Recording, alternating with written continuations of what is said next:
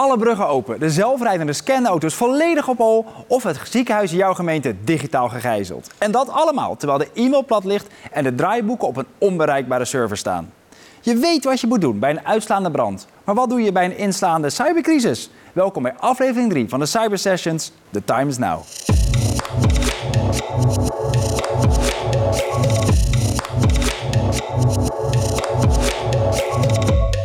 We regelen steeds meer digitaal. Aanvragen, sluizen, bruggen, ziekenhuizen en scholen. Maar wat als die niet meer werken door een incident? Hoe kunnen gemeenten die zoveel mogelijk voorkomen? En wat kunnen ze doen in het geval er toch iets gebeurt? In je eigen systemen of in systemen van cruciale organisaties in jouw gemeente? Zoals elke aflevering bespreken we de risico's op de weg, wie zit er aan het stuur, welke richting te nemen en de wegenwacht. Waar kun je hulp krijgen? En we sluiten natuurlijk weer af met een samenvatting en concrete tips om aan de slag te gaan. Waar navigeer jij morgen heen? En dat doe ik niet alleen, dat doe ik samen met Daan Reinders, kwartiermaker Digitaal Veilig Den Haag en Raymond Vlekken, burgemeester van de gemeente Weert. Ja, Raymond, jij was burgemeester van de gemeente Landgraaf. Je hebt je portiecrisis wel gehad. Uh, ja, dat kun je zo wat stellen. Ik heb helaas wat crisissen mee mogen maken. Denk aan het uh, noodweer 2014 bij Pinkpop. Denk aan het uh, ongeval bij Pinkpop. Maar denk ook aan de hele problematiek rondom DNA-afname bij het Nicky Verstappen. Ja, maar bent u ook een cybercrisis gewend? Cybercrisis heb ik in de gemeente Landgraaf in het begin even mee mogen maken. Toen eh, was er een aankondiging van een hackgroep eh, die diverse gemeenten in ieder geval zou proberen te hacken. Goede voorzorgsmaatregelen getroffen, goede discussies over geweest. Eh, en dat was ook een crisis. En zegt u fysieke crisis of digitale crisis, crisis is crisis? Of dat u zegt iets totaal anders? Nee, ik denk dat crisis een crisis is waar we in Nederland gelukkig uh, gripstructuren voor kennen. Alleen iedere crisis vergt ook een stukje maatwerk. En dat maatwerk kan gewoon uh, verschillend zijn. Uh, ook uh, met alle zaken die we al mee hebben gemaakt en waar we lering uit hebben getrokken. Maar het geeft alleen maar aan dat de awareness rondom zeker digitale crisissen eh, de digitale veiligheid nog eh, toch wel wat in de kinderschoenen staat. En die awareness die moeten we met z'n allen proberen te vergroten. Zowel binnen, het gemeentehuis als daarbuiten. Uh, Daan, jij bent kwartiermaker. Waar maak jij zo'n kwartier voor? Uh, nou ja, we hebben in Den Haag uh, ook gezien, ja, die digitalisering die is niet meer weg te denken uit de, uit de samenleving. En dat brengt ook allerlei risico's met zich mee. En digitale veiligheid is daar uh, één van. En we hebben heel erg gekeken, hoe is dat nou anders dan fysieke veiligheid? Hè? Want we hebben in Nederland, durf ik wel te zeggen, een heel succesvol stelsel voor fysieke openbare orde en veiligheid. Ja, hoe vertalen we dat nu naar het digitale domein? En wat betekent dat ook voor de gemeente om om, eh, qua handelingen en acties die we uh, moeten nemen. En zo ben ik op pad gestuurd door de burgemeester van Den Haag en de wethouder digitalisering, zou je kunnen zeggen. Ik ben stiekem wel een beetje een sukker van die uh, hulpverleningsvoertuigfilmpjes. Laten we de grote brand in Rotterdam. Ja, dat is fantastisch wat er op orde. Gewoon allemaal verschillende autootjes die precies weten wat ze moeten doen. Als er een cyberaanval komt in Den Haag, gaat dan net zo mooi radenwerk draaien? Nou ja, dat, dat ligt er een beetje aan waar de aanval plaatsvindt. Ik denk dat belangrijk is, kijk, op het moment dat een digitaal veiligheidsincident, hè, dus waar de beschikbaarheid, de integriteit en de vertrouwelijkheid van data en ICT-systemen in het geding is, als dat een fysieke uh, crisis wordt, dan zijn we denk ik goed voorbereid. In de zin van als de stroom uitvalt, dan weten we wat we moeten doen. Maar daar waar dat incident digitaal blijft, hè, dus er worden grote uh, aantallen persoonsgegevens uh, gelekt of er is digitale spionage, ja, dan is het minder duidelijk wie er aan zet is. Uh, de nationale overheid doet dan wel het een en ander, maar ook alleen gericht voor organisaties die ja, onderdeel zijn van de na nationale vitale processen en infrastructuur. We hebben het vorige aflevering gehad over eigen huis op orde. ja, als je dat op orde hebt, dan gebeuren er dus geen incidenten in je gemeente. Uh, nou ja, kijk, het, is heel belangrijk. Hè. Ik, ik, durf wel te stellen, ook de gemeente is wat mij betreft lokaal uh, vitale infrastructuur. Dus als de gemeente haar dienstverlening uh, en bedrijfsvoering niet, niet kan voeren om, vanwege een incident, ja, dan hebben we met elkaar in de samenleving een heel groot probleem. Um, maar de gemeente heeft op dit moment geen verantwoordelijkheid of rol als het gaat om andere partijen in de stad. Maar ja, dat is voor onze inwoners natuurlijk wel enorm belangrijk. Als je met het openbaar vervoer niet naar, uh, naar je werk kan, uh, ja, dan kan je tegenwoordig ook thuiswerken. Maar als dat ook niet werkt, ja, dan heb je toch met elkaar hebben we wel een probleem. Ja, als, als burgemeester kun je een pand sluiten dat niet brandveilig is of andere foute dingen gebeuren. Kun je ook een pand sluiten waar de cybersecurity niet op orde is? Nee, op dit moment zijn er onvoldoende uh, middelen, maatregelen die ik kan en mag treffen. Um, en ik denk dat dat uh, in de toekomst nog wel uh, natuurlijk een punt van discussie gaat worden. let op, hè, het, het sluiten van een pand uh, maak je toch inbreuk op een van de meest fundamentele rechten van de mens, namelijk een eigendom. En dan moet je toch een stukje voorzichtigheid inbouwen. Dus je moet niet zomaar kunnen oppakken.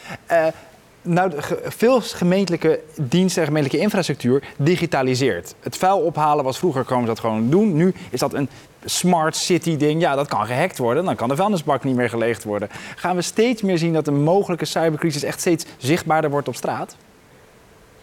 Ja, kijk, um, ik denk dat dit gewoon iets is. We zijn nu volop bezig uh, uh, om dus diensten te digitaliseren, om gebruik te maken van sensoren en noem het maar op. En daar moet je gewoon vanaf het begin heel goed over nadenken.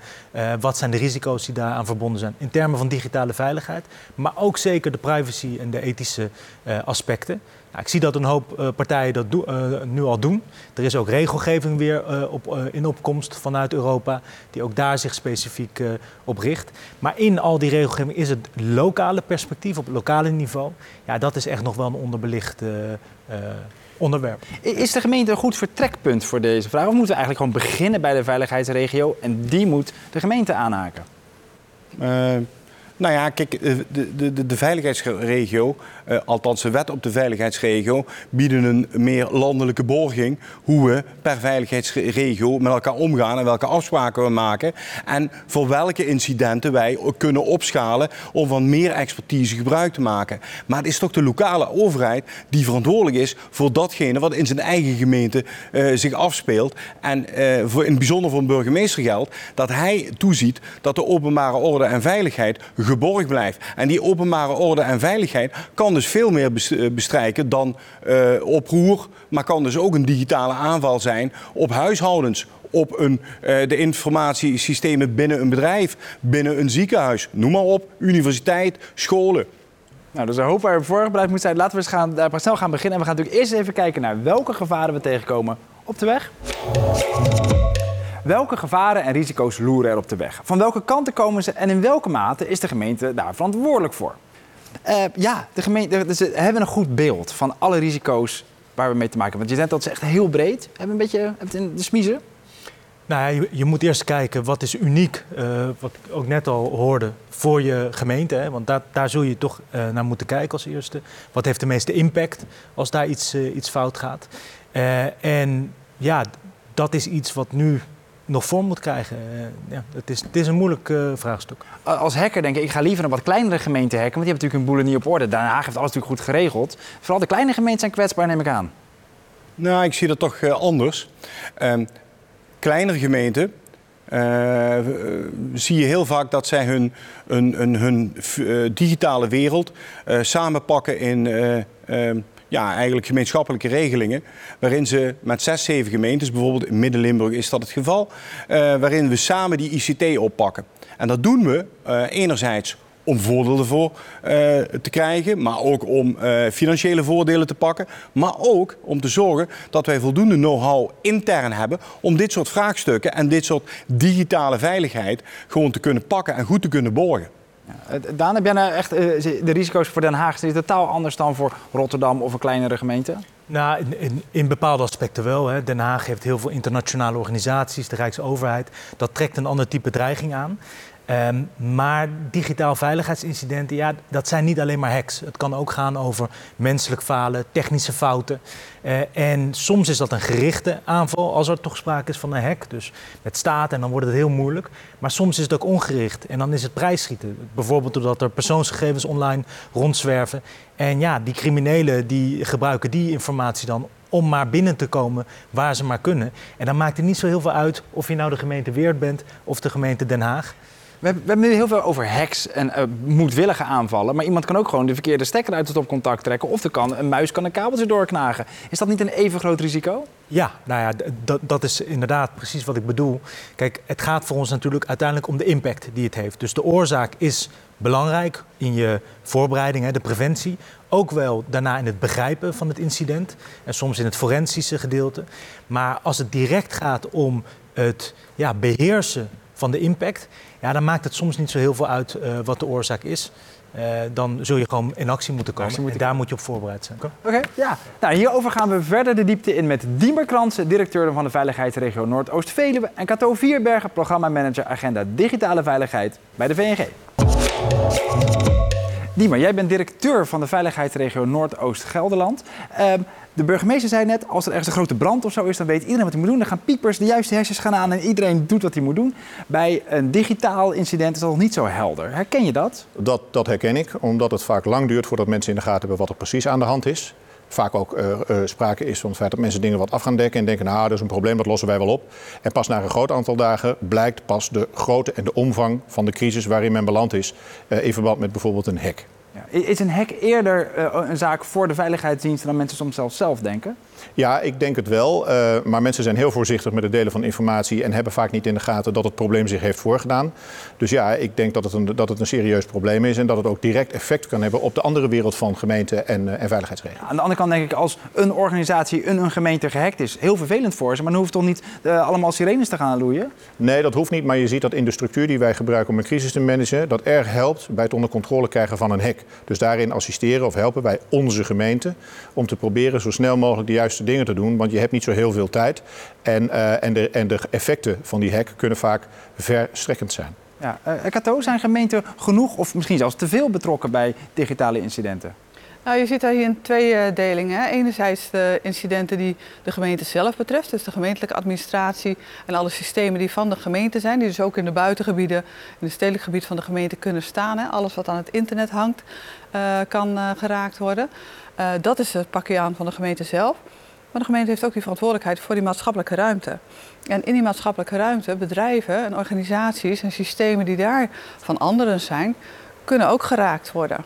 En um, wat je ziet is dat die verantwoordelijkheid daarvoor, dat dat nog even heel goed uitgezocht moet worden. Want dan kun je, zoals Diemer al aangeeft, uh, heel goed gaan kijken naar de gevolgen en dan gaan uh, handelen. Uh, maar je zou ook in de periode daarvoor, in de preparatie en ook in de preventie, elkaar al goed op kunnen zoeken in dat stedelijk gebied. En vanuit de gemeente kun je daar uh, stappen op zetten. En de bedrijven kunnen natuurlijk ook zelf aan de bel trekken en zeggen: Ik heb eigenlijk wel uh, hulp nodig om te zien of ik voldoende weerbaar ben als mijn organisatie geraakt wordt. Maar er moet een ziekenhuis ontruimd worden omdat de systemen gehackt worden. Ja. Dat is toch niet anders dan als de stroom is uitgevallen of er is een brand? Nou ja, dat hangt er maar net vanaf wat de ernst van de situatie is, welke systemen geraakt zijn en wat niet. Kijk, bij een brand moet je het hele gebouw ontruimen, maar ben je kortstondig bezig om dat te doen en dan kun je naar herstel. Dit soort van fenomenen rond een hek duren meestal maanden, zo niet jaren, voordat het feitelijke herstel daar is. Hè. Als het over patiëntendossiers gaat, over gezondheidszorg gaat, dat is een enorme impact, die ook vaak gepraat wordt met enorme kosten. Dat wordt enorm onderschat door de organisatie die het betreft, omdat men denkt, ja, dit hebben we snel onder controle. Dat blijkt vaak niet zo te zijn, dus de gevolgen zijn langtijdelijk, veel langer dan bij een incident dat een directe fysieke klap heeft. Want dat lossen we wel op en dan repareer je. En je weet vaak niet aan het einde van zo'n traject hoe groot de schade nou feitelijk is. Ja, het lijkt altijd een beetje een veenbrand eigenlijk. Uh, zo. Ja, het is, een, het is een stevige veenbrand, zal ik maar zeggen, die lang onder de grond kan blijven. Ja, ja. Uh, het is ook van belang om uh, daarin, zo'n zo ziekenhuis staat ook in een stad. En uh, de, het incident, om het zo maar te zeggen, en ook de opvolging daarvan, de afhandeling, beperkt zich niet tot het ziekenhuis en alleen die ruimte. Daar zal uh, de stad en de gemeente ook een rol in hebben. Uh, al is het alleen maar in evacuatie of ergens anders onderbrengen of op een andere manier zorgverlening inrichten.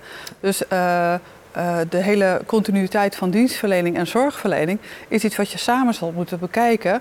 En dus niet alleen maar los per organisatie telkens. En zeggen, nou, ik heb het op orde, uh, tot hier en niet verder. Dus dat is echt iets wat integraler met elkaar bekeken zal moeten worden. Die risico's kunnen natuurlijk zijn hè, kwaadwillendheid, maar het kan ook gewoon een menselijke fout of gewoon systeemfalen zijn. Maakt dat heel erg uit voor dat soort risico te lopen? Nou, kijk, voor de veiligheidsregio uh, uh, maakt dat niet zoveel uit, omdat het grootste risico zijn niet de systemen, maar de mensen die met systemen werken en de dingen die er gebeuren. Kijk, als je onze mensen, uh, we hebben uh, 2000 medewerkers die aangesloten zijn op het systeem. Ja, dat vergt een hele hoge mate, dat is voor de gemeente idem dito, van beveiliging en beveiligingsbewustzijn. En bij ons is het gewoon iemand die op iets verkeerds geklikt had, waardoor onze hele organisatie plat ging. Ja, want je bent zelf een keer gehackt. Ik ben zelf een keer gehackt en dat was dus ook door een menselijke fout. En die heeft enorme consequenties gehad. En, uh, en, en, als je dat dus, dat dus ziet, dan weet je dat de awareness begint bij je mensen. Natuurlijk bij het hebben van goede systemen en beschermde systemen. Maar de meeste fouten gaan aan de menselijke kant, niet in de systeemkant. Wat heb je allemaal geleerd van die hack?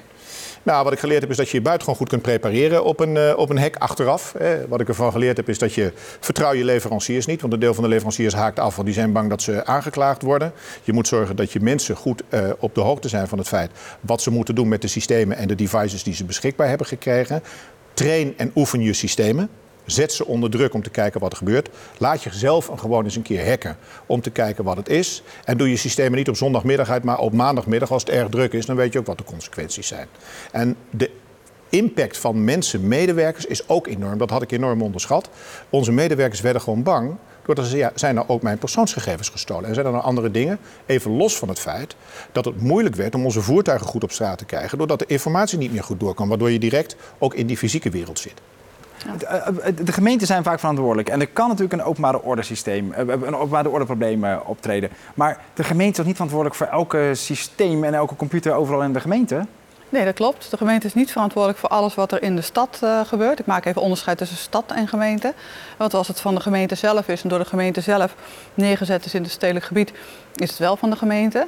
Maar die is niet verantwoordelijk voor alles wat er in de stad gebeurt, maar wel voor de maatschappelijke gevolgeffecten die dat uh, met zich mee kan brengen. Dat betekent dat je ze op een andere manier naar de inzet van technologie, naar de uh, rol en positie van bedrijven in het maatschappelijk veld zal moeten kijken.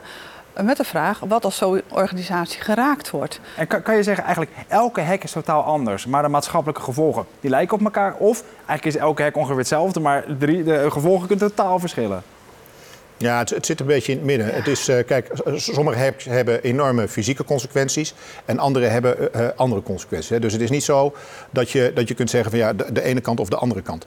Afhankelijk van wie en hoe je gehackt wordt, ga je optreden. En sommigen hebben alleen maar het idee, sommige hackers willen geld verdienen, maar anders willen, andere hacks willen destabiliseren. En dat is voor ons een veel groter probleem bij gemeente- en veiligheidsregio, omdat die destabilisatie veel grotere maatschappelijke impact heeft dan alleen maar het feit dat iemand 80.000 dollar wil hebben omdat je gehackt bent. Dat is een veel eenvoudiger te tackelen probleem. En die hacks zijn vaak ook compacter en kleiner dan de hacks die hele systemen platleggen bij een gemeente of bij een veiligheidsregio. Jullie sturen regelmatig ergens een inspecteur langs om de brandveiligheid in de gaten te houden. Mm -hmm. Komen er binnenkort ook inspecteurs die even in de serverkast komen kijken? Nou ja, dus het onderwerp van het gesprek is wat, digitaal, wat digitale veiligheid nou eigenlijk betekent. En wij komen in beeld op het moment dat het ook verregaande consequenties heeft voor de openbare orde en veiligheid en voor de crisis. We hebben een groot aantal ramptypen in Nederland gedefinieerd, hè, waarvan de cybercrisis er inmiddels ook één is. Hè. Die hadden we tien jaar geleden nog niet, maar die is er nu wel. En daarbij proberen we samen met onze gemeente in kaart te brengen waar onze grootste risico's zitten. Om die op een goede manier te trainen, te oefenen en ook vooral samen met die gemeente te kijken van ja, waar zit je kwetsbaarheid en wat kunnen wij nou doen als veiligheidsregio samen met de gemeente om die kwetsbaarheid te minimaliseren. En dat gaat over partners, maar dat gaat ook over waterleidingbedrijven, dat gaat over, uh, over waterschappen, dat gaat over betaalverkeer. Hè. Belangrijk op het moment dat in Lochem bij mijn gemeente alles uitviel, was het grootste probleem dat mensen geen uitkering konden krijgen. Ja. Nou, dan staan er meteen 800 mensen aan de deur bij de gemeente. Vrienden, waar blijft mijn geld? Ja. Nou ja, en dat moet je goed organiseren en dat kun je als scenario gewoon goed met elkaar oefenen. Moet je op alles, moet je de risico's in kaart brengen, daarop voorbereid? Of moet je eigenlijk je voorbereiden op waar je echt niet voor kan bereiden? Nou, dat is altijd een hele lastige. Die flexibiliteit moet je zeker uh, houden. En dat kun je ook intrainen. Dus op het moment dat je verschillende scenario's traint, kun je daar ook flexibeler mee omgaan. Wat van belang is, is dat je uh, eerst goed kijkt, heb ik al die rollen wel in mijn organisatie belegd? Of in de partnerorganisaties heb ik daar dan goede afspraken mee gemaakt? Zijn over en weer de verantwoordelijkheden duidelijk? Um, uh, heeft iedereen dan ook de bevoegdheid om op te treden op het moment dat het moet? Uh, en hebben we daar uh, geen onduidelijkheden over? Daar moeten we gaan zoeken. Oh, nou, helemaal helder. Je zei ook al, het is belangrijk om te weten wie er aan het stuur zit. Laten ja. we daar eens snel naar gaan kijken. Wie zit er aan het stuur? Zowel formeel als informeel. En hoe organiseer je dat de urgentie hoog is, de neus dezelfde kant op staan en er goed wordt samengewerkt? Ja, nou, je, je net al, hè, eigenlijk zo'n gripstructuur die we voor de fysieke incidenten hebben, wil ik eigenlijk ook voor de digitale incidenten. Zijn we op weg om dat te creëren? Ja hoor. Uh, ik zie voldoende uh, vooruitgang. Ik zie ook dat de Rijksoverheid, maar ook het CCW, zich daar enorm voor inzet. Digitaal is dan, dan weer veel informatie te vinden.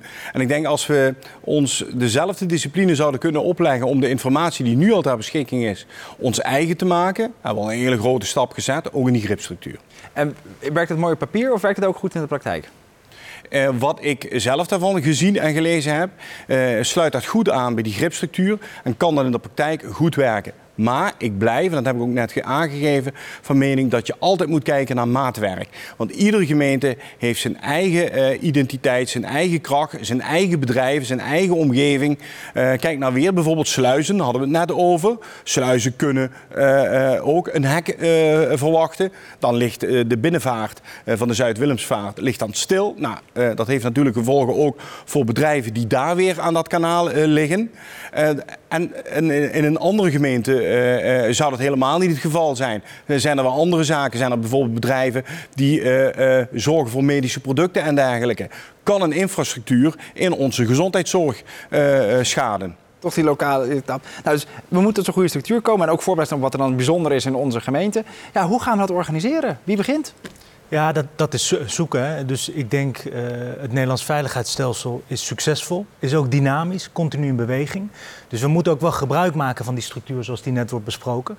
Maar ook goed begrijpen wat, is nou, wat maakt die digitale veiligheid nou anders dan die fysieke veiligheid. En dat is een samenspel, uh, intern uh, met, tussen de OOV en de, de CISO.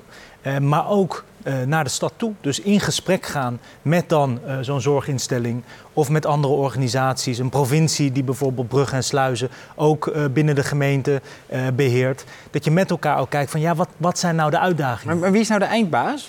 Ja, dat ligt nu op dit moment ook nog wel open. Dus je zou kunnen zeggen, er is niemand verantwoordelijk. Je zou ook kunnen zeggen, eigenlijk is iedereen een beetje verantwoordelijk. En dat dwingt ons ook om echt samen te komen op dit onderwerp en met elkaar het gesprek te gaan voeren van hoe gaan we om met de uitdaging die we zien? En is daar misschien een gezamenlijke oplossing over? Ja, maar allemaal een beetje verantwoordelijk betekent nee, ook geen verantwoordelijkheid? Nee, maar uh, daar ben ik vrij eenvoudig in. Daarom ben ik blij dat die gripstructuur er is. Want dat betekent dat in die gripopschaling uiteindelijk ook de burgemeester uh, aan zet komt als bevoegd gezag. Daar waar de openbare orde en veiligheid in zijn gemeente betreft. En het is natuurlijk, uh, het zou niet slim zijn, althans niet wijs zijn voor een burgemeester, als hij samen met zijn ambtenaren openbare orde en veiligheid niet kijkt welke partners er bij overleggen zullen moeten aansluiten. Maar het begin, denk ik, als er een aanval is geweest buiten het gemeentehuis, bij een bedrijf of bij een ziekenhuis, dat zij primair verantwoordelijk zijn voor hun eigen digitale omgeving. De gemeente kan daarbij als externe partner zeer zeker faciliterend zijn, omdat zij opgevoed zijn in die, in die gripstructuur. Maar als je, niet, als je niet mag ingrijpen, niet eindverantwoordelijk bent, alleen maar mag adviseren en een beetje moet helpen, geeft het dan voldoende uh, duwtjes in de rug om dat ook echt te gaan doen? Ja hoor, als je in de gripstructuur uiteindelijk terechtkomt en we gaan eh, richting grip 2 en grip 3, dan heeft die burgemeester wel degelijk een, een kracht om iets te doen. Maar belangrijk is dat je dat samen met je ketenpartners doet, want het heeft namelijk niet alleen gevolgen voor uh, de keuze die gemaakt wordt binnen die gripstructuur, maar die hele omgeving eromheen. Uh, de patiënten, het ziekenhuis zelf, uh, de zorg voor mensen die, bij wijze van spreken, dringend uh, geneeskundige hulp nodig hebben. Dus het is een samenspel van. En in dat samenspel, bij die digitale onveiligheid die we dan zouden kunnen creëren bij een hack, daar moeten we nog met z'n allen in groeien. Maar als we ons aan die structuren aan vasthouden die we met z'n allen geleerd hebben, dan denk ik dat we heel ver zullen komen. Ik denk in, dat, eh, in, in die veiligheidsregio hebben we denk ik de, eh, een houtzagerij met nul computers. Die staat denk ik goed op de radar. Maar dat hele grote ICT-bedrijf waar geen brandgevaar is misschien nog niet. Of is dat eigenlijk inmiddels wel allemaal in die regio belegd? Nou, ik denk in de eerste instantie een houtzagerij zonder computers is ook in deze tijd uh, ondenkbaar. Um, ja, kijk, daar waar het vitale infrastructuur is, dus waar ook wettelijke, uh, op nationaal en sectoraal niveau is dat geregeld, hè, daar uh, zijn hele duidelijke verplichtingen. Een zorgplicht, een meldplicht, ondersteuning ook vanuit de Rijksoverheid. Maar voor zo'n houtzagerij, die wat minder essentieel wordt gezien, ja, is dat op dit moment juridisch in ieder geval niet belegd. Ehm, kijk, wat interessant hieraan is, is ook de vraag: stel een hypothetisch voorbeeld, uh, een, grote onderwijsinstelling die te maken krijgt met een gijzelsoftwareaanval. Nou, de duizenden studenten die daar uh, staan, misschien dat die terwijl ze daar in het pand staan, in één keer allemaal naar buiten uh, moeten. Ja, dan hebben we met elkaar vanuit de openbare orde en veiligheid natuurlijk een, een, plan klaar liggen. Maar als die studenten vervolgens maandenlang geen onderwijs kunnen, kunnen volgen, ja, dan, dan hebben we dus weer een ander probleem. En dat soort zaken zijn op dit moment eigenlijk uh, nog niet belegd uh, op lokaal niveau. En betekent dat ook dat misschien behalve de OOV er ook misschien wat de dienst welzijn zich een keer over moet buigen? Ja, het is dus een samenspel. Kijk, in, in de essentie, ik zou zeggen, de tandem moet worden gevormd door een OOV'er samen met, uh, met de IT en, uh, en, de, en de cybersecurity kant, de CISO. Maar uiteindelijk zul je de andere partijen bij moeten betrekken. Welzijn, jeugd, onderwijs. Ook een beetje afhankelijk van uh, wat het maatschappelijke proces is waar je de digitale veiligheid wil verhogen of wil voorbereid zijn op een incident. Er zijn gelukkig steeds meer gemeenten die aan de slag zijn met het oefenen bij cyberdreigingen en crisis. En hier is niet altijd heel veel geld of FTE voor nodig. En je hoeft echt niet elke keer het wiel opnieuw uit te vinden. Kortom, welke richting moeten we nemen? Ja, inderdaad, het, wiel niet uitvinden. Is het eigenlijk gewoon voor elke gemeente uh, de draaiboeken van de VNG copy-pasten of leeg vel papier en beginnen? Ja, voor dat wat uniek is voor jouw gemeente of stad, uh, zul je toch zelf uh, aan de slag moeten. Maar er is zoveel uh, vanuit de VNG en ook vanuit wat andere gemeenten hebben, al hebben gedaan, wat je kan kopiëren en gewoon kan toepassen voor je eigen gemeente. Dus ja, daar moet je echt daar moet je mee beginnen. Dat is Zijn er een paar cruciale keuzes te maken of is het gewoon de stappen volgen? Primair denk ik altijd, volg de stappen. Maar heb aandacht, maak er ook een kopje. Waar, waar is mijn gemeente nou uh, uh, ja, eigenlijk uh, uniek in? Wat is bij ons gebruikelijk om te doen? Probeer dat af te stemmen, maar probeer dat vooral, denk ik, als je in dit soort situaties gaat oefenen. doe, doe dat bij doorleefsessies. Zet die mensen bij elkaar, zodat ze A, primair elkaar beter leren kennen. Wie is die persoon dadelijk in dat ziekenhuis? Wie mijn contactpartner is? Dat is? Dat is toch wel een stuk makkelijker spreken. Maar heb vooral oog en oor voor oefenen. Maak gebruik van het know-how wat binnen het uh, CCV en bij de VNG reeds aanwezig is. Dan kom je al een hele goede stap in de goede richting. Uh, en, en, en, schroom ook niet. En ik vind dat gemeentes dat veel meer kunnen en mogen doen. Uh, iedereen kent iedereen wel. En sluit ook eens aan bij een overleg met een andere gemeente om te zien hoe het daar beleeft, hoe het daar georganiseerd wordt. Wat is een niet-obvious ding dat je moet doen, waar jij bent tegengekomen en je dacht, oh, daar heb ik nog nooit over nagedacht?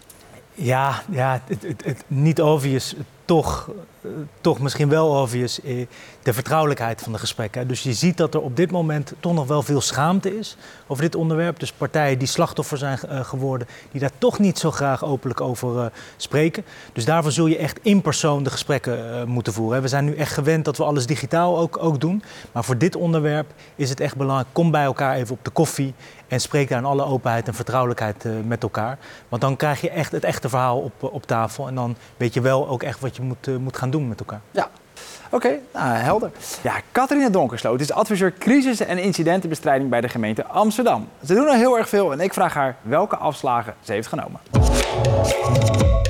Catharina, jij adviseert de burgemeester van Amsterdam over crisisbeheersingsbeleid, maar ook als wat aan de hand is, dan ook. Maakt het voor jou heel erg uit of zo'n crisis digitaal of gewoon fysiek is? In principe niet. Het enige verschil is dat we een digitale crisis gelukkig nog nooit op een schaal hebben gehad. Uh, in de hoedanigheid dat ik uh, de afgelopen periode heb binnengekregen. Ja. Uh, Daan zei net eigenlijk een beetje, zodra een online crisis fysieke gevolgen heeft, dan weten we wat we moeten doen. Maar zolang het eigenlijk in dat digitale domein blijft, dan is het nog wel een beetje zoeken. Herken je dat? Ja, zeker. Um, nou ja, in juni hebben we de ransomware hack uh, in Artis, uh, of Artis heeft een ransomware aanval gehad, of te maken gehad. En daarin zag je, um, ik had op dat moment Piket samen met mijn collega, we draaien altijd in duo Piket. En we zagen het op het nieuws voorbij komen. Dus ik stuurde naar mijn collega van, hey, dit is er gaande. Heb jij een melding gehad? Nee. Nou, in, um, de dusdanigheid hoe het in Artis eh, plaats heeft gevonden was op zo'n kleine schaal, gelukkig maar, dat het intern werd opgelost en via de politielijnen ehm, nou ja, werd opgepakt. Ehm, maar je kunt je voorstellen, stel dat de hekken eh, ook op het besturingssysteem zouden draaien en die gehackt zouden worden. Ja, eh, dan hebben we met de andere... Ja, Ja. precies, krokodillen of leeuwen op straat. Ja, dan is het zichtbaar en dan krijgt het een openbaar orde component. Dus ja, dan worden wij ehm, ook ingevlogen. Maar dat betekent eigenlijk dat dus organisaties als Artis goed moeten weten... oh, dit is ook voor de gemeente relevant. Of jij moet eigenlijk gewoon goed het nieuws in de gaten houden... of er ergens een ransomware is. Nou ja, eh, in principe als er een grote aanval ergens gaande is, is het aan de organisatie zelf om eh, de eerste maatregelen te nemen. En als het echt op een grote schaal is, wordt meestal 112 gebeld. Dat betekent dat de meldkamer wordt gealarmeerd en de meldkamer alarmeert ons als piketfunctionarissen dus ook. Dus dan komt het sowieso bij de politie en bij ons als OV ehm, terecht. En zijn jullie ook, dit, als, als die leeuwen over straat lopen, dat is dan in de fysieke wereld... zijn jullie ook voorbereid voor als er het in de digitale wereld... maar wel de digitale openbare orde in het gevaar is?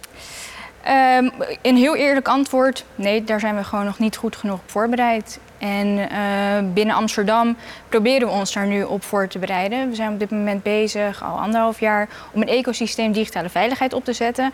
En de bedoeling daarachter is, is dat simpelweg de lijntjes gewoon heel kort zijn. We weten elkaar te vinden, dat onze CISO eh, de CISO bij wijze van bij de Nederlandse bank ook kent. Mocht er iets binnen het financiële, we- of financiële sector gebeuren, dat de CISO's elkaar weten te vinden of ons als crisisexperts. En ehm, we hebben begin juli daarvan onze eerste bijeenkomst gehad. En daarbij waren van een aantal organisaties binnen de stad eh, de CISO's uitgenodigd en de crisisexperts. En daarbij kwam, nou, kwamen onze beide werelden mooi samen. Want in principe, wij als crisisexperts kunnen, als er een digitaal ehm, ja, iets is, kunnen wij gewoon niks zonder de technische experts en vice versa. Dus een hele mooie samenwerking.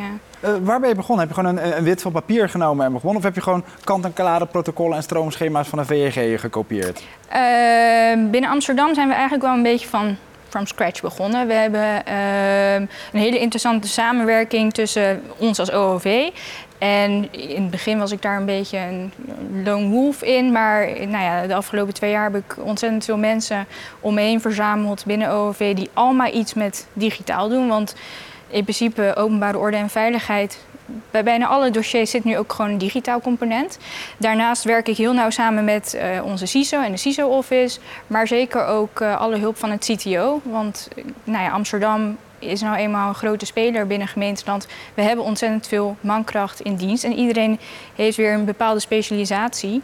Ehm, en daarbij hebben we ontzettend veel hulp vanuit CTO. eh binnen Is eigenlijk voor iedereen wel een beetje duidelijk welke kant je op moet? Of zijn, hebben jullie interne heftige strijden? Of zijn er echt principiële keuzes die gemaakt moeten worden? Nee, en dat vind ik dan wel weer het mooie. Ik werk op ontzettend veel andere dossiers ook. Maar het digitale veiligheid of cyberdossier ehm, is juist zo interessant dat iedereen een bepaalde affiniteit met het onderwerp heeft. En alle neuzen staan letterlijk dezelfde kant op. We willen allemaal hetzelfde bereiken. En de afgelopen twee jaar was dat om het op de bestuurlijke agenda te krijgen. Nou, in Amsterdam is dat gelukt. Ehm, en vanaf nu gaan we verder om ja, binnen driehoeksverband eh, bepaalde digitale problemen ehm, hopelijk te kunnen gaan oplossen. En je zegt, weet je, hè, de kern is gewoon zorgen dat je elkaar kent. Dat je elkaar Ja. een keer gesproken hebt als het huis nog niet in brand staat. Dat het dan Precies. ook soepel gaat. Ja. Eh, dan ken je elkaar en dan moet je dan heel veel vastleggen protocollen. Of vooral gewoon elkaar kunnen bereiken. Nou, we willen op dit moment van alles vastleggen in een manifest.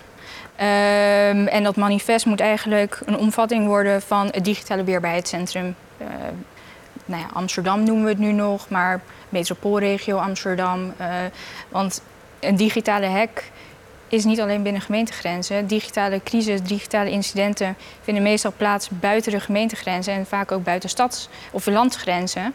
Ehm, dus ja, we zijn nu bepaalde partners aan het verzamelen. En ik moet eerlijk zeggen dat elke week komt er weer een nieuwe interessante speler eh, voorbij. En eh, een goed voorbeeld daarvan is de Nederlandse Bank is eh, gezeteld in Amsterdam. En ik moet eerlijk zeggen dat zij op het digitale speelveld zoveel al papier hebben staan. Zij oefenen heel veel, ook internationaal. En wij als gemeente zijn kunnen weer heel veel van die partner ehm, ook weer leren. Dus aan de andere ja. kant denk ik, als er gewapende overvallers de Nederlandse bank inkomen, groot, grote openbare orde en veiligheidsprobleem. Ja. Als daar een digitale hack gebeurt, ja, de trams blijven gewoon rijden hoor. Klopt, maar op het moment dat het financiële eh, stelsel geraakt wordt digitaal en er geen betalingsverkeer meer kan plaatsvinden, dus je kunt niet in de Albert Heijn even met je telefoon bijvoorbeeld tappen, ja, dan is er ook een openbaar ordeprobleem. Ja. Uh, heb je liever dat uh, organisaties jou bellen en dat je dan achteraf denkt, nou, dit is, uh, dat moet je lekker zelf oplossen? Of dat ze eerst het zelf oplossen tot eigenlijk al te laat is, dan pas bij jou komen? Goeie vraag. Um, en dat is ook precies het grootste vraagstuk binnen digitale veiligheid op dit moment. Gevolgbestrijding hebben we ontzettend veel plannen al voor. Of het nou een digitaal uh, iets is, een cybergevolgbestrijding. We hebben een handreiking cybergevolgbestrijding als G4 zijnde uh, tot stand gebracht de afgelopen uh, 3,5 jaar. Maar juist die duiding en signalering, dat is nu de discussie die veel gevoerd wordt. Vanuit het NCSC wordt met vitale partners informatie gedeeld als er een cyberdreiging is. Wij als gemeente zijn, zijn dat bijvoorbeeld niet. Um, vorig jaar hebben we geoefend uh, samen met de NSTV, de G4. En daarin kwam ook naar voren dat we liever overgeïnformeerd soms willen worden dan achteraf. En dat we dan denken van, hm, dus hadden we dit toch maar wel geweten. Artis had je even moeten bellen? Um, ik weet niet zeker of Artis ons had moeten bellen. Maar um, denk, nou ja, in principe de uh, keuze die Artis heeft gemaakt, onze CISO's waren heel snel al van elkaar op de hoogte. En de volgende dag ben ik gebeld. In principe in dit geval was het snel genoeg. Snel genoeg. Hey, uh, welke onverwachte tip heb jij voor een gemeente aan de slag? Dus welke, niet een open deur, maar echt een deur die we helemaal niet in de gaten hebben? Nou ja, je, je, merkt vaak in gemeenteland dat iedereen bepaalde protocollen wil volgen. We zijn gebonden aan AVG. Um, ja, ik wil niet zeggen de sleur, maar soms zit de sleur een beetje in in gemeenteland. En wat ik juist heel leuk vind, en zo ben ik ook op het contact van de Nederlandse Bank gekomen. Zoek op LinkedIn eens iemand die ook voor een OV bij een andere gemeente werkt. Of uh, die crisisexpert is binnen een organisatie, binnen jouw eigen stad. Want iedere stad heeft weer zijn eigen ja, uh, gekke dingen, bijzonderheden. Gekke bijzonderheden. En uh, nou ja, de bijeenkomst die we begin juli hebben gehad binnen dat ecosysteem, waar we CISO's en crisisexperts aan elkaar hebben gekoppeld. Daar zaten van ontzettend veel verschillende organisaties, zat iemand aan tafel. Artis zat daar bijvoorbeeld ook, ProRail. Um, iedereen weet wel iets van het digitale domein. En in plaats van allemaal opnieuw het wiel uitvinden, kun je ook weer van elkaars ervaring leren. En uh, ja, vooral ook de, vertrouwensband die dat met elkaar schept als je weet wie je moet bellen in het geval van een crisis. Want het is zo ontzettend belangrijk dat als er een incident gaande is of een crisis, en helemaal binnen het cyberdomein, dat je snel moet kunnen schakelen en dat je ook weet wie je moet kunnen bellen, wie je moet kunnen bereiken en wie die persoon aan de andere kant is. Dat is nou ja, best belangrijk en dat gebeurt gewoon nog te weinig binnen gemeenteland. Ja, over tien jaar hoop je dan dat je kan zeggen, nou, onder mijn leiding zijn er geen grote crisissen geweest of die lekkere grote crisis met die adrenaline rush. Ja, bewijs van. Ja. Dankjewel, heel veel succes. Dankjewel. Ze kwamen al langs, ook de veiligheidsregio's bereiden zich voor op cyberaanvallen. En ze zien verschillende rollen en verantwoordelijkheden om zich heen. Daarover vertelt Casper de Boer van de veiligheidsregio Kennemerland.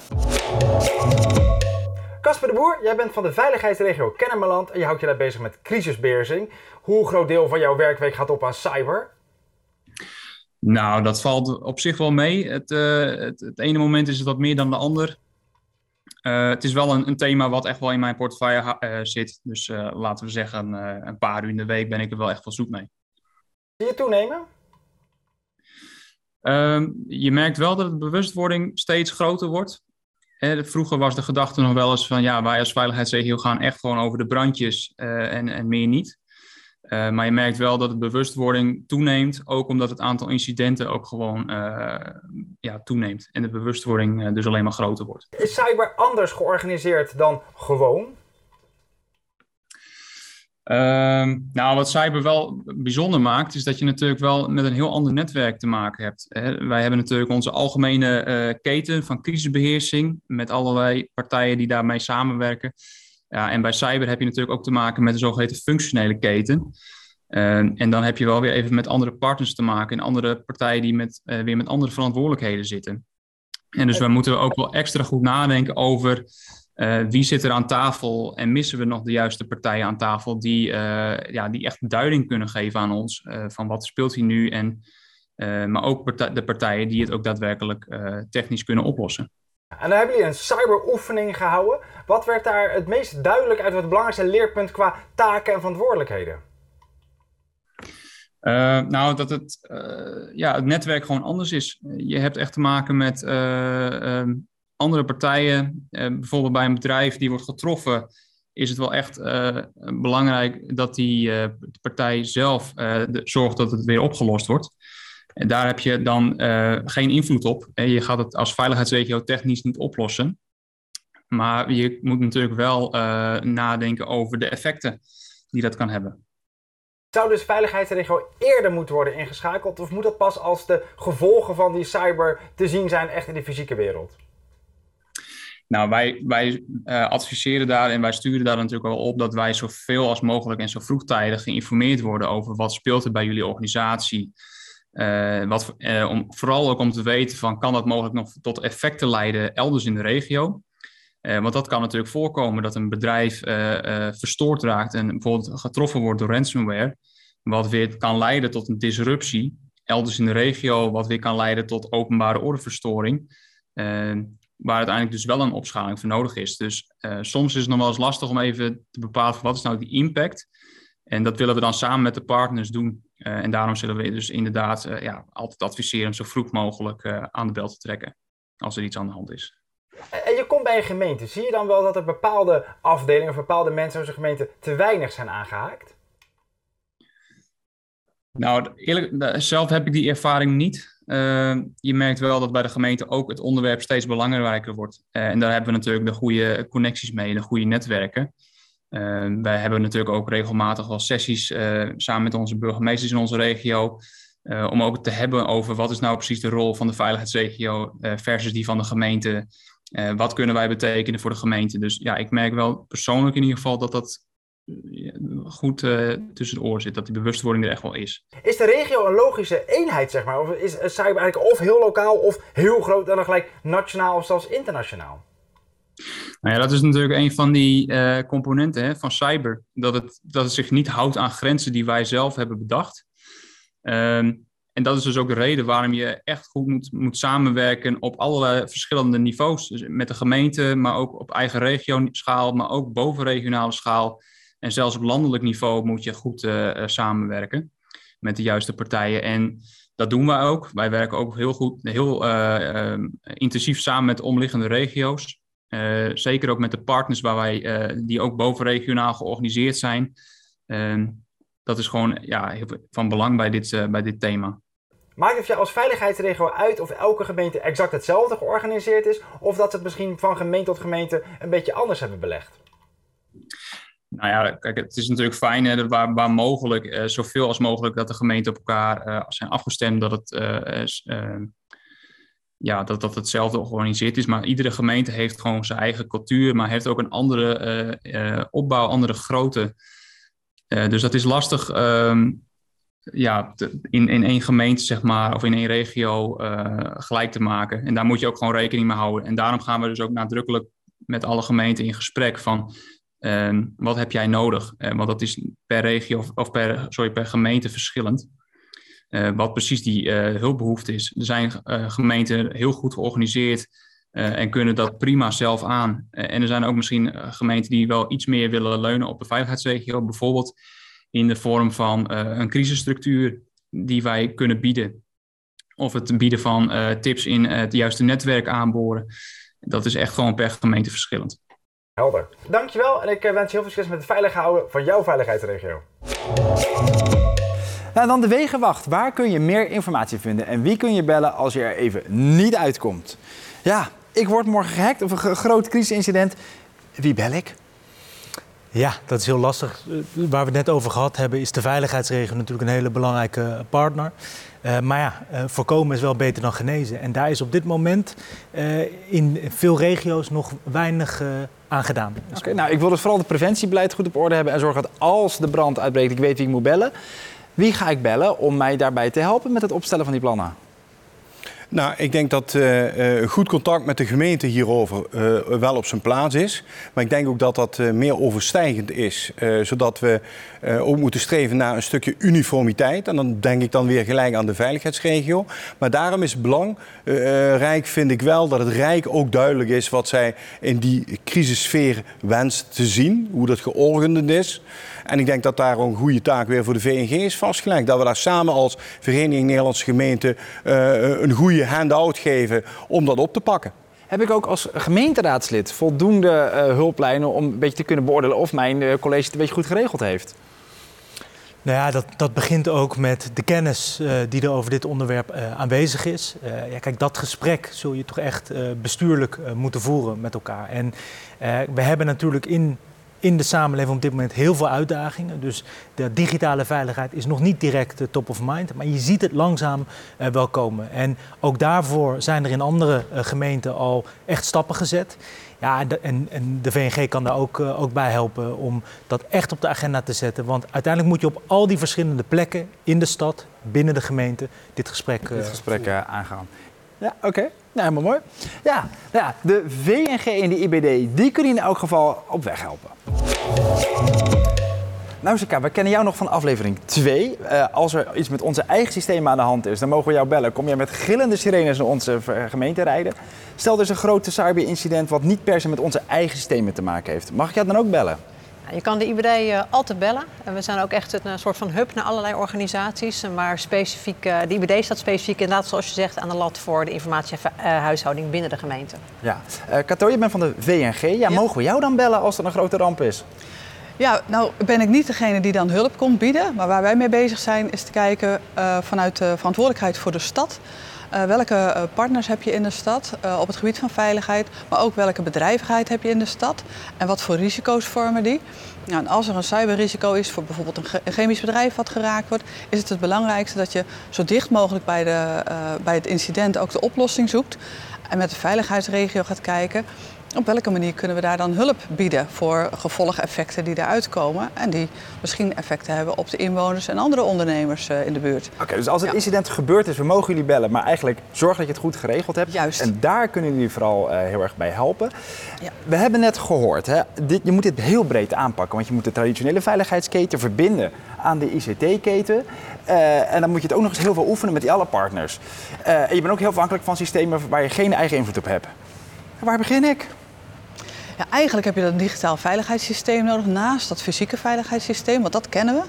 Maar in essentie uh, is het ook zo dat als een digitaal systeem uitvalt, dan kan je doen alsof het een stroomuitval is. En dan weet je wat je moet doen. Maar het is wel goed om bij een oefening te kijken. Hebben we dan dezelfde partners nog nodig? Hebben we dan dezelfde afspraken nog nodig? En zijn dus alle bevoegdheden en verantwoordelijkheden duidelijk belegd in geval van nood? Maar ja? ja, en daar heeft IBD dan wel weer een, een mooi aanbod op. We hebben onlangs, uh, we leren altijd lessen vanuit incidenten bij gemeenten. En toen hebben we eigenlijk geconstateerd, er moet eigenlijk echt een, een, een goed business continuity management aanbod zijn. Nou, hebben we samen met een uh, grote groep uh, gemeenten, via een expertgroep, hebben we een aantal scenario's eigenlijk uh, via scenariokaarten opgeschreven. Wat moet ik geregeld hebben op het moment dat er een onverwachte situatie zich voordoet? Dat kan een brand zijn, dat kan ook iets cyberachtigs zijn. Ja, en nou um, uh, hebben jullie eigenlijk gewoon kant-en-klare uh, commandoschema's, stroomschema's, invuloefeningen die ik alleen maar hoeven uit te voeren? Of is het echt zoveel maatwerk dat jullie ook een beetje advies kunnen geven? Allebei eigenlijk. Er zijn kant-en-klare oefenscenario's, ook op het gebied van cyberincidenten voor het openbare orde veiligheidsdomein. Uh, die kun je intrainen. Dan kom je vanzelf erachter dat je bepaalde functies misschien niet hebt ingeregeld in je organisatie of bepaalde afspraken nog helemaal niet gemaakt hebt met partnerorganisaties die dan wel ineens van belang zijn. Uh, dus oefenen is echt key. En dan meeschrijven, je lessons learned zoals Nausicaa al aangeeft, zijn heel belangrijk om het de volgende keer goed in te regelen.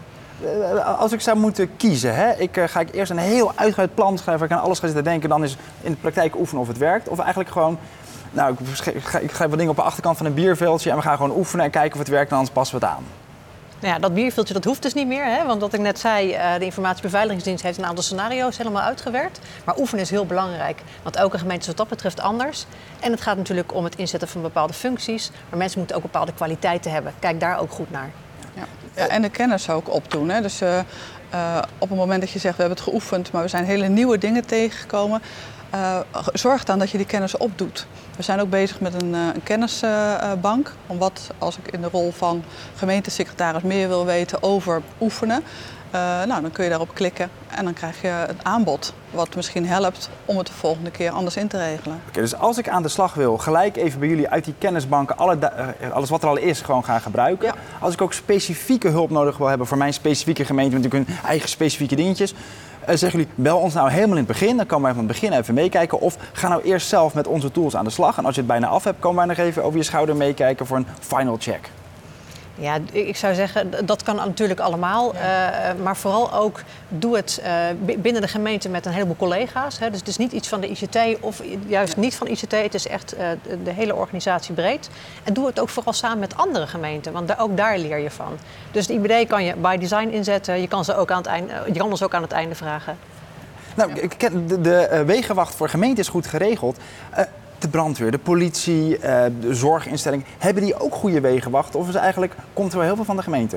Nou, die uh, brandweer en politie die je noemt, dat zijn de inzetten van de veiligheidsregio's. Dus de veiligheidsregio's hebben natuurlijk het fysieke veiligheidssysteem helemaal ingeregeld, uh, uitgebreid geoefend en ingetraind. En um, op het moment dat er iets aan de hand is en je zegt, nou, we doen alsof het stroomuitval is, dan kun je ook kijken, kunnen we dan de uh, politie inzetten in de zin van wegenbeheer, want de verkeersregelsystemen zijn uitgevallen. Of kun je de brandweer inzetten, want er is nadat het uh, stroom uitgevallen is ook brand uitgebroken. Uh, of er zijn zaken overstroomd, hè? als er een, een gemaal bijvoorbeeld geraakt is in het buitengebied. Ja, dan gaat de brandweer nu ook al helpen. Ja. Dus heel veel van die veiligheidsstructuren staan al. Het is een kwestie van toetsen. Of ze in geval van een, een cyberincident, zeg maar, een digitale verstoring, of diezelfde structuren dan ook helpen bij de brandweer en de politie en de veiligheidsregio's. We gaan jullie dus in een vroeg stadium gaan jullie bellen voor inderdaad al die design en dat meedenken. Zodat hopelijk als het zover is, we jullie niet meer hoeven te bellen en weten wie we dan moeten hebben. Dank jullie wel. Yes. Dank je wel.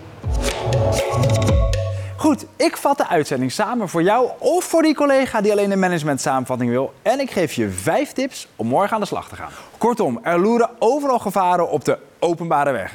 Digitale ontwrichting kan veel verder gaan dan een gemeentelijke organisatie. Het kan van alles in de gemeente platleggen. Van sluizen en bruggen tot ziekenhuizen of betaalsystemen. Gemeente moet zich hiervan bewust zijn en zorgen voor een goede voorbereiding.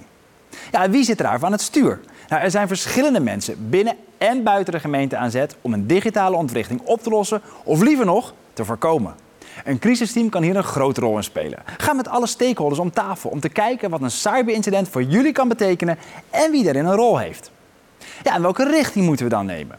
Nou, verschillende gemeenten bereiden zich al voor op een eventueel cyberincident. Denk hierbij aan een cyberoefening doen met alle stakeholders of een cyberdraaiboek opstellen. Je hoeft hierbij het wiel echt niet opnieuw uit te vinden. Leer van elkaar. En dan de wegenwacht. Welke hulplijn kun je inschakelen? Zowel de IBD als de VNG hebben fantastische handvatten. Neem contact met ze op over de digitale agenda veiligheid of cyberoefeningen of kijk naar al die andere handvatten op hun websites. Nou, tot slot geef ik je vijf tips om morgen al lekker mee aan de slag te gaan. Tip 1. Maak morgen een afspraak met een gemeente die al een cyberoefening gedaan heeft. Je hoeft het wiel niet opnieuw uit te vinden. Je kunt van elkaar leren. Tip 2. Zorg ook hier voor een goede afstemming tussen alle stakeholders. Kom eens in zoveel tijd bij elkaar. De veiligheidsregio, CISO, het cyberscrisisteam enzovoort. Zo weet je elkaar goed te vinden in het geval dat een keer goed fout gaat. Tip 3. Doe de IBD cyberoefening om te zien hoe zo'n cyberoefening in zijn werk gaat. Ze leggen de hand aan een spiksplinternieuwe versie. Tip 4. Breng zoveel mogelijk alle systemen en software in kaart. Houd het goed bij. Specifiek voor gemeenten. Maak gebruik van de mogelijkheid van IBD om je systemen te laten inventariseren. En tot slot, tip 5.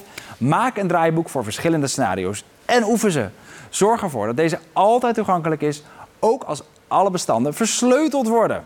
Dit was aflevering 3 uit deze serie. Volgende aflevering gaan we inzoomen op cybercrime en gedigitaliseerde criminaliteit. Wil je meer weten over de achterliggende documenten en voorbeelden? Of wil je deze speciale management samenvattingen opzoeken voor je collega of bestuurder die nog overtuigd moet worden? Ga dan naar hetccv.nl of vng.nl slash cybersessions. VNG en CCV staan voor je klaar om je op weg, verder of uit de brand te helpen. Tot volgende keer!